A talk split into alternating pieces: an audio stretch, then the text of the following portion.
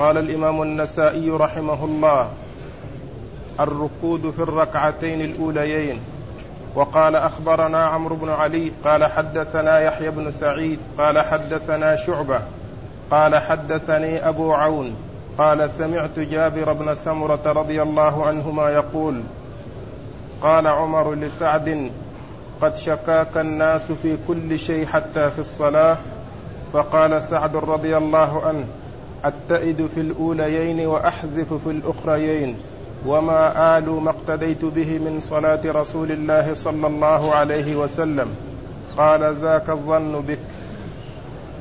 بسم الله الرحمن الرحيم. الحمد لله رب العالمين وصلى الله وسلم وبارك على عبده ورسوله نبينا محمد وعلى آله وأصحابه أجمعين. أما بعد يقول النسائي رحمه الله الركود في الركعتين الأوليين. هذه الترجمة يراد بها أن الركعتين الأوليين آه، يطال بهما يطال فيهما بالنسبة للركعتين الأخيرتين. وقد سبق أن مر بنا بعض الأحاديث الدالة على هذا أي تطويل الركعتين الأوليين وكذلك تطويل الركعة الأولى على الثانية. كل هذا مر فيه بعض الأحاديث لكنه هنا أورد هذه الترجمة وهي الركود في الركعتين الأوليين وهي وهي مماثلة لما سبق أن تقدم بالنسبة لتطويل الركعتين الأوليين وأنها أطول من الركعتين الأخيرتين أي بالنسبة للصلاة الرباعية. و وقد أورد النسائي في حديث آه، سعد بن أبي وقاص رضي الله تعالى عنه أنه كان يتئد في الركعتين الأوليين ويحذف في الركعتين الأخيرتين يعني يخفف ويقصرهما. ويقول إنني لا آل ما اقتديت بصلاة ما اقتديت آه، اقتديت به من صلاة ما اقتديت به من صلاة رسول الله صلى الله عليه وسلم. ومعنى ذلك أن هذا العمل يسنده إلى رسول الله. عليه الصلاة والسلام وأنه يفعل هذا اقتداء برسول الله صلوات الله وسلامه وبركاته عليه. وهذا آه، هو الذي آه، آه، هو المناسب من من حيث الرواية لأنه مضاف إلى رسول الله عليه الصلاة والسلام.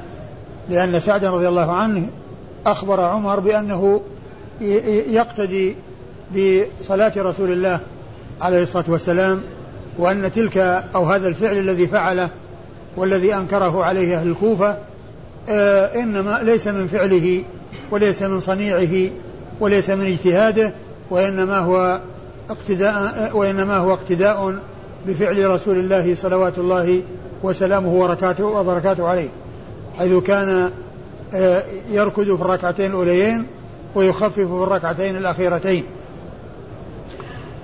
وسعد رضي الله عنه قال هذه المقالة بمناسبة وهو أن عمر بن الخطاب رضي الله عنه ولى ولاه الكوفة جعله أميرا عليها وحصل بينه وبين أهل الكوفة شيء آه، آه، تكلم فيه بعضهم وقدح فيه حتى الصلاة ما سلم ما سلم من أن يقدحوا في صلاته وهو يقتدي بصلاة رسول الله عليه الصلاة والسلام. لكن الذي يدفعهم إلى ذلك هو آه ما يقع في النفوس وما يحصل في النفوس ما أو ما حصل في النفوس عليه رضي الله عنه وأرضاه. هذا وسعد أحد المبشرين بالجنة. يمشي على الأرض والناس يعرفون بأنه من أهل الجنة وأنه ينتهي إلى خير ويؤول أمره إلى خير وأنه من أهل الجنة يعرفون ذلك ويعلمون ذلك وهو يمشي على الأرض بين أظهرهم رضي الله تعالى عنه وأرضاه لأن النبي عليه الصلاة والسلام شهد لعشرة بالجنة في مجلس واحد سماهم وكان فيهم سعد بن أبي وقاص رضي الله تعالى عنه.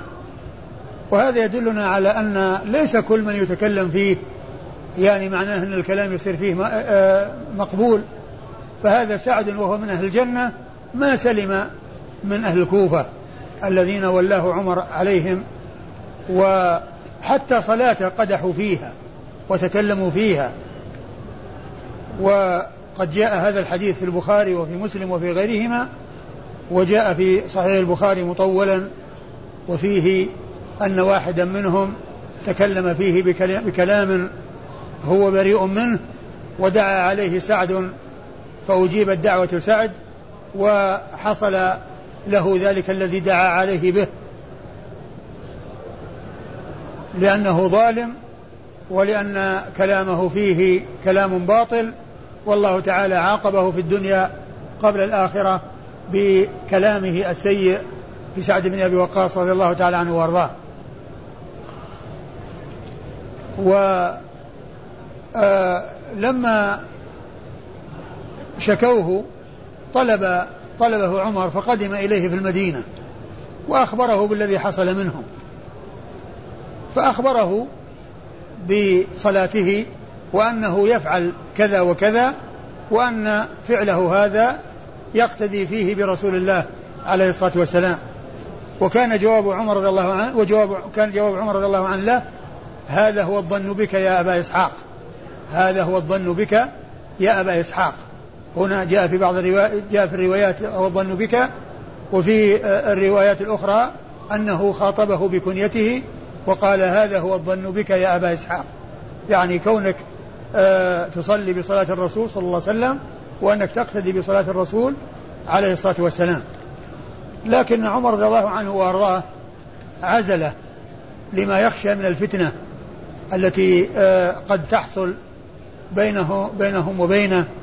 لما حصل لهم من النفرة فخشي أن يحصل بسبب إبقائه بين أظهرهم مع قولهم فيه ما قالوا ومع آه كونهم تكلموا فيه بما تكلموا فيه فعزله عن إمرة الكوفة درءا للفتنة ودرءا للمفسدة التي قد تحصل بسبب بقائه بينهم مع نفرته نفرتهم أو نفرة بعضهم منه. لكن عمر رضي الله عنه وأرضاه ما نسي أن ينوه بشأن بفضل سعد وأن عزله إياه ما كان لأمر آه هو حاصل فيه يقتضي عزله ولكنه إنما عزله خوفا من أن يقع بينه وبينهم ما لا يحمد عقباه بأن يعتدوا عليه أو يحصل اعتداء من أحد عليه فعزله.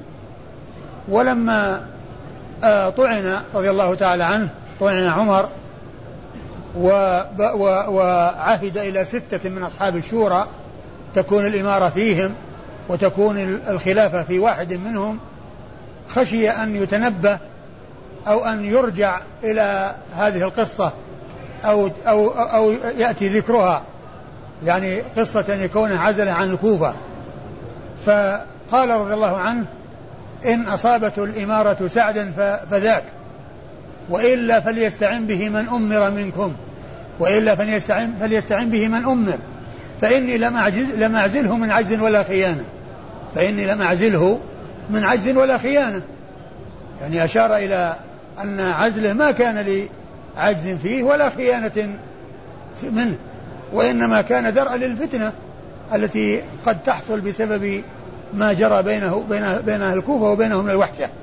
فنوه بشأنه وأبرأ ساحته مما قد يظن أن هذا يقدح في كونه يستحق الولاية وقد جعله عمر واحدا من الستة الذين تكون الخلافة فيهم ويكون الأمر بينهم. ويعني يختارون واحدا منهم لإمرة آه، المسلمين. فقال هذه المقالة العظيمة التي نوه فيها بشأنه وبين آه، أنه لم يعزله من عجز ولا خيانة.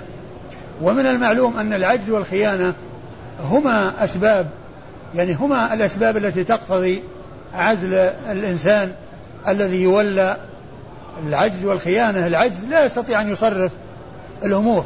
والخائن يعني ما عنده أمانة. الذي عنده خيانة ما عنده أمانة.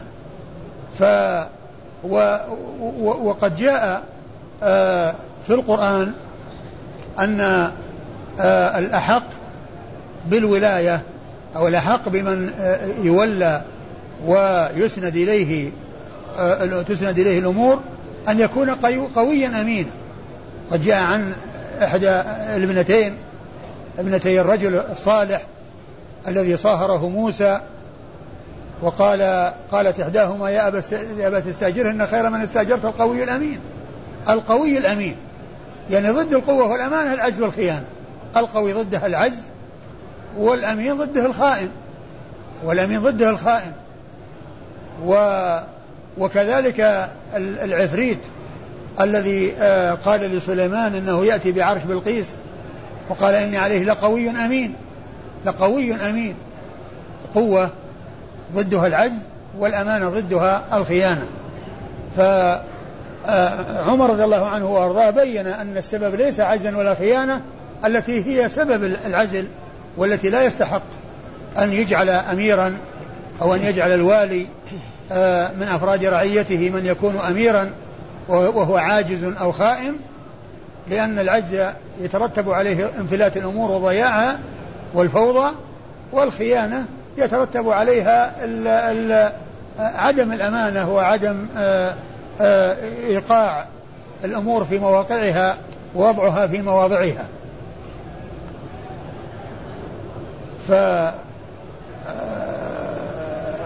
آه، هو ما جرى أو هذا هو ما حصل من من عمر رضي الله عنه في آه، آه، عزله وأنه كان بسبب خوف الفتنة مع مع كون سعد هو أهل وقوي أمين رضي الله تعالى عنه وأرضاه وليس بعاجز ولا خائم وهو من أهل الجنة.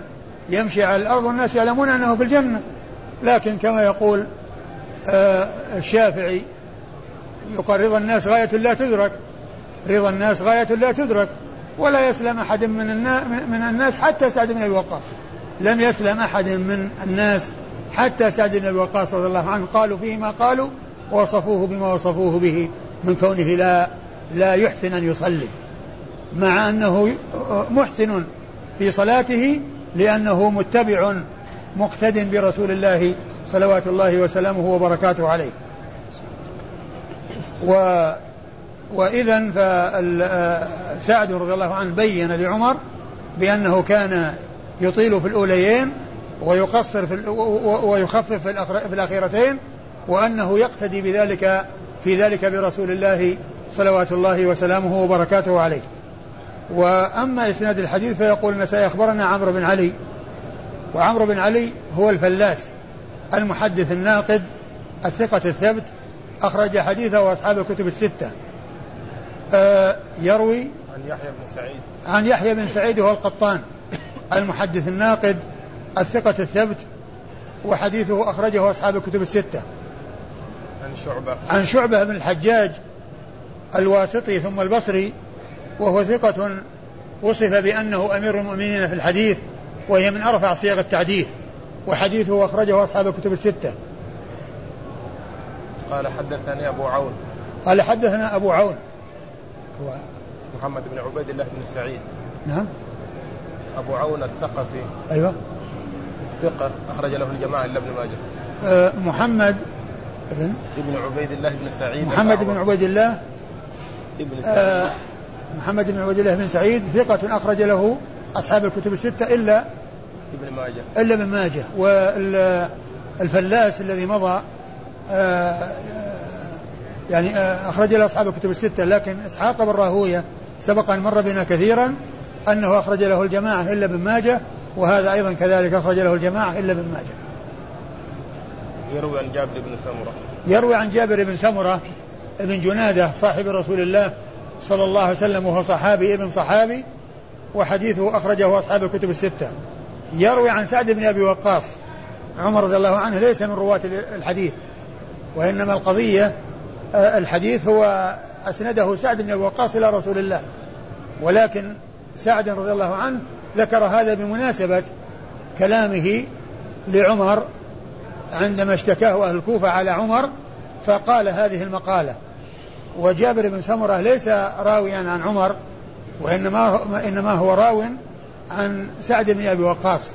وسعد بن أبي وقاص هو آه الزهري آه أحد العشرة المبشرين بالجنة الذين بشرهم النبي الكريم صلى الله عليه وسلم في الجنة في حديث واحد سماهم فقال عمر أبو بكر في الجنة وعمر في الجنة وعثمان في الجنة وعلي في الجنة وطلحة في الجنة والزبير في الجنة وعبد الرحمن بن عوف في الجنة وسعد بن وقاص في الجنة وسعيد بن زيد في الجنة وأبو عبيدة بن الجراح في الجنة.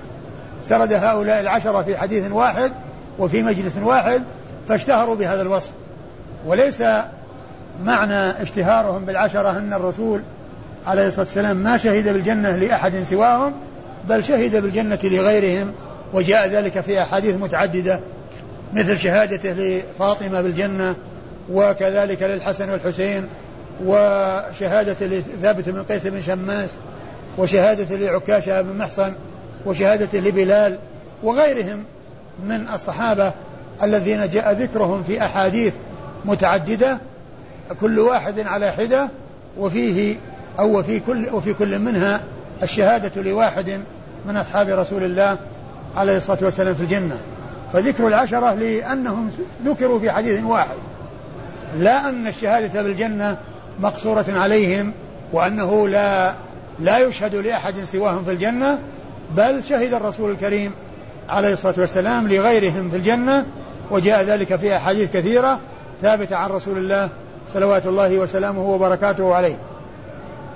وحديثه أخرجه أصحاب الكتب الستة.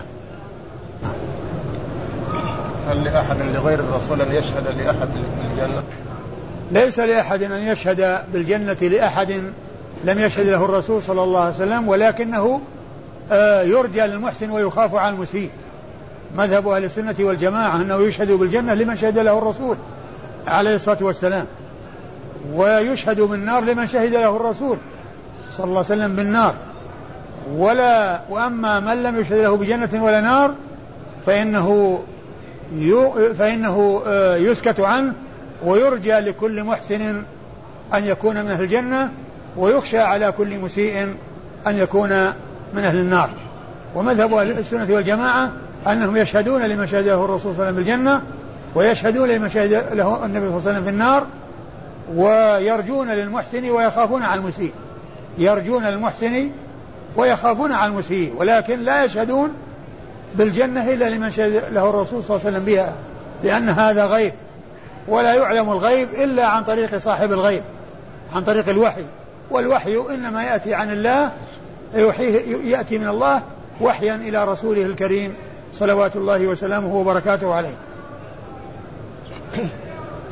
قال أخبرنا حماد بن إسماعيل بن إبراهيم بن علية أبو الحسن قال حدثنا أبي عن داود الطائي عن عبد الملك بن عمير عن جابر بن سمرة رضي الله عنهما قال وقع ناس من أهل الكوفة في سعد رضي الله عنه عند عمر رضي الله عنه فقالوا والله ما يحسن الصلاة.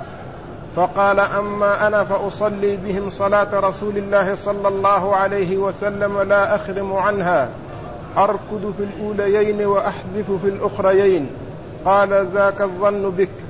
ثم ورد النسائي حديث جابر بن سمرة عن سعد بن أبي وقاص من طريق أخرى وهو بمعنى الحديث الذي قبله ودال على ما دل عليه من الركود في الركعتين الأوليين والحذف أي آه، آه، التخفيف في الركعتين الأخيرتين وأنه يقتدي بذلك في ذلك بصلاة رسول الله صلوات الله وسلامه وبركاته عليه.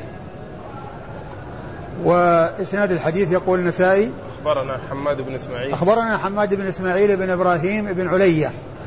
وحماد بن إسماعيل آه ثقة أخرج حديثه آه أبو داود والنسائي. مسلم. مسلم مسلم والنسائي. أخرج حديثه مسلم والنسائي. وحماد آه سبق أن مر بنا ذكر أخ له وهو وهو محمد بن إسماعيل. هذا روى عنه النسائي عدة أحاديث فيما مضى. وأما حماد فإنه لم يأتي ذكره فيما مضى. يعني وإنما جاء ذكر أخيه محمد بن إسماعيل في مواضع عديدة يروي عنه النسائي وحده وهو ثقة. خرج حديثه النسائي وأما هذا فهو أيضا ثقة خرج حديثه مسلم والنسائي. وسبق أن ذكرت أن لهم أخا اسمه إبراهيم وذاك ضال من أهل الضلال. آه قال عنه الذهبي في الميزان إنه جهمي هالك جهمي هالك يعني خارج عن مذهب أهل السنة. بخلاف إسماعيل وابنيه حماد ومحمد ومحمد ومحمد فإنهما من أهل من أهل السنة. وأما إبراهيم بن إسماعيل فهو من الجهمية وهو الذي يأتي ذكره في مسائل الفقه شاذة في مسائل شاذة من الفقه يقال قال بها ابن علية يراد به إبراهيم بن علية إبراهيم بن إسماعيل الذي هو آه، وصف بأنه جهمي هالك. عن عن أبيه إسماعيل حماد بن إسماعيل يروي عن أبيه إسماعيل وهو إسماعيل بن إبراهيم بن مقسم إسماعيل بن إبراهيم مقسم آه وهو ثقة ثبت ثقة وهو ثقة حافظ أخرج حديثه أصحاب الكتب الستة. عن داود الطائي. عن داود الطائي هو داود بن نصير داود بن نصير الطائي وهو آه ثقة آه فقيه. عابد زاهد ثقة فقيه زاهد أخرج حديثه. النسائي وحده. أخرج حديثه النسائي وحده. عن عبد الملك بن عمير. عبد الملك عن عبد الملك بن عمير وهو ثقة فقيه أخرج حديثه أصحاب الكتب الستة. عن جابر بن سمرة. عن جابر بن سمرة عن سعد بن أبي وقاص وقد مر ذكرهما في الإسناد الذي قبل هذا. قال قراءة سورتين في ركعة. وقال أخبرنا إسحاق بن إبراهيم قال حدثنا عيسى بن يونس عن الأعمش عن شقيق عن عبد الله رضي الله عنه أنه قال إني لأعرف النظائر التي كان يقرن بهن رسول الله كان يقرأ بهن رسول الله صلى الله عليه وسلم وسلم عشرين سورة في عشر ركعات. ثم أخذ بيد علقمة فدخل. ثم خرج إلينا علقمة فسألناه فأخبرنا بهن. ثم أورد النسائي آه هذه الترجمة وهي قراءة سورتين في ركعة. قراءة سورتين في ركعة واحدة يعني يجمع في ركعة واحدة سورتين. آه آه هذا هذه الترجمة سبق أن مر بنا في آه فضل سورة قل هو الله أحد. حديث يدل على هذا وهو قصة الرجل الذي كان يقرأ ثم يختم بقل هو الله أحد. يعني معناه أنه يقرأ مع الفاتحة غيرها ثم يختم ذلك بقل هو الله أحد. ففيه دلالة على الجمع بين سورتين بين سورتين في ركعة. بين سورتين في ركعة. لأن النبي لأنه أخبر النبي صلى الله عليه وسلم بذلك وقال وسأل وأمرهم بأن يسألوه عن سبب فعله وقال إنها مشتملة على صفة الرحمن ويحب أن يقرأ بها فقال أخبروه بأن الله تعالى يحبه. فالحديث يدل على هذه الترجمة. وهي كون وكون يقرأ في الركعة الواحدة سورتان. وقد أورد تحت هذه الترجمة آه النسائي حديث عبد الله بن مسعود رضي الله عنه أنه قال كنت أعرف النظائر التي كان يقرأ فيها رسول الله عليه الصلاة والسلام وهي عشرون سورة في عشر في عشر ركعات. عشرون سورة في عشر ركعات يعني معناه أن كل ركعة فيها سورتين. يعني ما دام عشرين سورة وهي في عشر ركعات معناه في كل ركعة واحدة سورتان ففيه دلالة على قراءة سورتين في ركعة. دلالة على قراءة سورتين في ركعة. والنظائر المقصود بها التماثل يعني في آه، ما تشتمل عليه من الحكم والقصص والعبر والعظات وما إلى ذلك. وليس المقصود المقصود التساوي بالآيات. وليس المقصود التساوي بالآيات والتماثل بينها في الآيات وإنما التماثل في المعنى وإنما التماثل في معانيها وفيما اشتملت عليه من القصص والأحكام وغير ذلك. هذا هو المقصود بالنظائر أي التي بعضها يشبه بعضا وبعضها نظير لبعض. يعني معناه سورتان آه، آه، آه، إحداهما شبيهة بالأخرى في موضوعاتها ومعانيها تقرأان في ركعة واحدة. ثم قال الراوي وهو أبو وائل أنه أخذ بيد علقمة وخرج علقمة فذكرها لهم. يعني تلك النظائر لأنه ذكرها أولا إجمالا ولم يذكرها لهم تفصيلا. يعني تلك العشرين آه تلك العشرين سورة في عشر ركعات. فأخبر بها آه علقمة ابن قيس النخعي فذكرها آه علقمة. وهي جاءت في بعض الروايات عند أبي داود. يعني ذكر هذه آه، آه، آه، هذه النظائر أو المتشابهات بعضهما يعني كل سورتين في ركعة واحدة. الحاصل أن الحديث يدل حديث عبد الله مسعود يدل على الترجمة وهو أن أن أنها عشرون سورة في عشر ركعات أي في كل ركعة سورتان. أخبرنا إسحاق بن إبراهيم. أخبرنا إسحاق بن إبراهيم وهو بن مخلد آه، آه، المشهور بن راهويه الحنظلي وهو ثقة فقيه وصف بأنه أمير المؤمنين في الحديث وحديثه أخرجه أصحاب الكتب الستة إلا ابن ماجه فإنه لم يخرج له شيئا.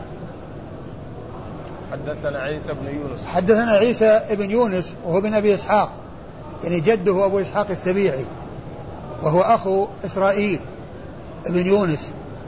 عيسى ابن يونس ابن أبي إسحاق السبيعي وهو ثقة آه مأمون. ثقة مأمون أخرج له أصحاب الكتب الستة. عن الأعمش. عن الأعمش وهو سليمان بن مهران الكاهلي. لقبه الأعمش. يأتي ذكره باللقب ويأتي ذكره بالاسم. وكما ذكرت مرارا هذا نوع من أنواع علوم الحديث وهو معرفة ألقاب المحدثين.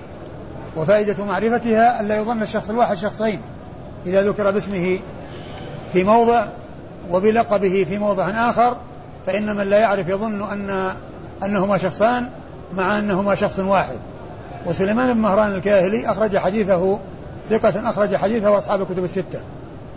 عن شقيق. عن شقيق بن سلمة أبو وائل الكوفي وهو ثقة مخضرم حديثه أخرجه أصحاب الكتب الستة. عن عبد الله بن مسعود. عن عبد الله بن مسعود عن عبد الله بن مسعود الهذلي صاحب رسول الله صلوات الله وسلامه وبركاته عليه وأحد فقهاء الصحابة وعلمائهم رضي الله تعالى عنه وأرضاه وحديثه أخرجه أصحاب الكتب الستة.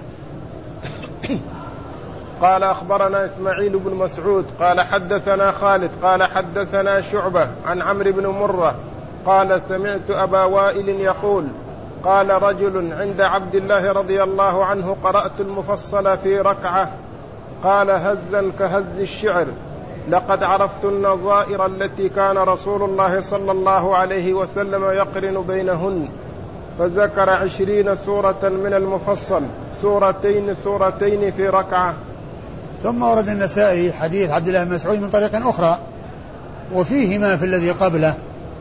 وذكر سبب ذلك هذا الكلام الذي قاله وهو أن رجلا جاء إليه وقال إنه قرأ المفصل في ركعة.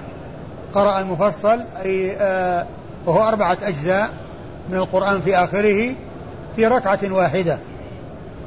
ف آه، آه، عبد الله قال أهذا كهذ الشعر يعني سرعة يعني يسرع في قراءته كما كما كان معروفا عندهم الإسراع في قراءة الشعر وهذه والإسراع به قال هذا كهذ الشعر ثم أرشد إلى النظائر التي كان يعلم عن رسول الله عليه الصلاة والسلام أنه يقرن بينهما في ركعة.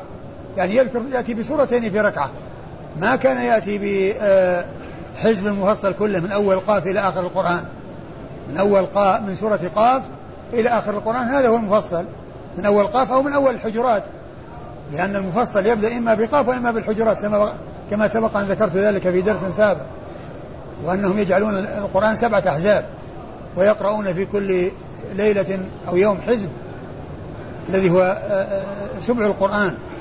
فأول فالسبع الآخر أو الحزب الآخر آه اللي هو السابع يبدأ من قاف. أربعة أجزاء يضاف إليها سورة قاف.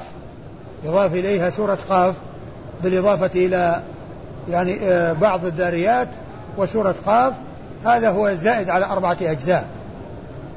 فقال لقد عرفت النظائر وأن الرسول صلى الله عليه وسلم يعني كان يقرأ في الركعة الواحدة سورتين. يعني شبيه شبيه بعضهما ببعض.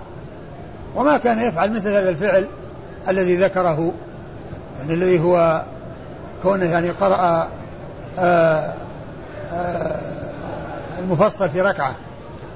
وقد من المعلوم أن الرسول صلى الله عليه وسلم كان يطيل. وقد جاء في بعض الأحاديث أنه قرأ البقرة ثم النساء ثم آل عمران. ثم النساء ثم آل عمران وهي يعني تزيد على أربعة أجزاء. هذه السور إذا كان يعني يعني استكمل آل عمران معناه أنها خمسة أجزاء وزيادة. كما جاء ذلك في الحديث أنه عليه الصلاة والسلام قرأ البقرة ثم النساء ثم آل عمران. لكن هنا لما قال إني قرأت المفصل في ركعة قال هذا كهذ الشعر ثم أرشد إلى النظائر التي كان النبي صلى الله عليه وسلم يقرن بينها في ركعة. والحاصل أن الحديث دال على ما دل عليه القبل الذي قبله من قراءة سورتين في ركعة من قراءة سورتين في ركعة. وهذا آه، الذي أنكره آه، عبد الله بن مسعود يعني الذي هو السرعة يعني أنكر السرعة الشديدة التي فيها الهذ. وأما القراءة بترتيل وبتأمل وبتدبر فهذا هو الذي ينبغي. وهذا هو المطلوب وهذا هو الأفضل. لكن لو قرأ الإنسان بغير آه ترتيل وبغير تمهل ولكنه لم يسرع يعني سرعة مفرطة فإن ذلك سائغ. لأن لأن الحافظ بن حجر ذكر في فتح الباري عند شرح هذا الحديث في صحيح البخاري أنه لا خلاف بين العلماء بأنه يجوز قراءة القرآن من غير آه تدبر ومن غير آه يعني آه تمهل. لكن يعني كما هو وإن كان التدبر والقراءة بتدبر أفضل وأولى. هكذا قال الحافظ بن حجر. فالقراءة بترتيل وبتدبر وبتفكر هذا هو الأولى والأفضل والقراءة بدون ذلك سائغة. لكن الأولى هو القراءة على هذا الوصف وعلى هذا النحو.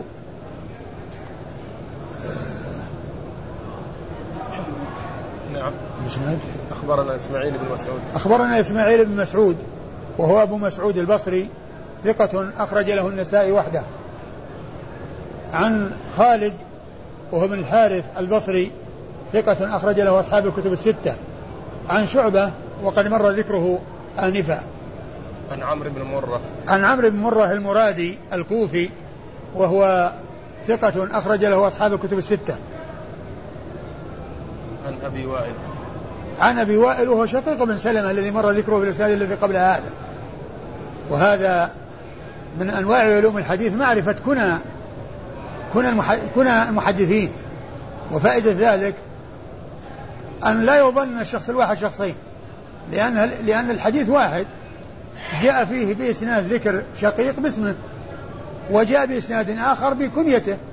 والذي ما يعرف أن أبا أن شقيق بن سلمة كنيته أبو وائل يظن أن أبو وائل غير غير شقيق. يظن أن شقيق شخص وأبو وائل شخص آخر. والحديث واحد. جاء بإسنادين أحدهما ذكر فيه أبو وائل بكنيته والثانية باسمه. وهذه فائدة معرفة الكنى كنى المحدثين. ألا يظن الشخص الواحد شخصين؟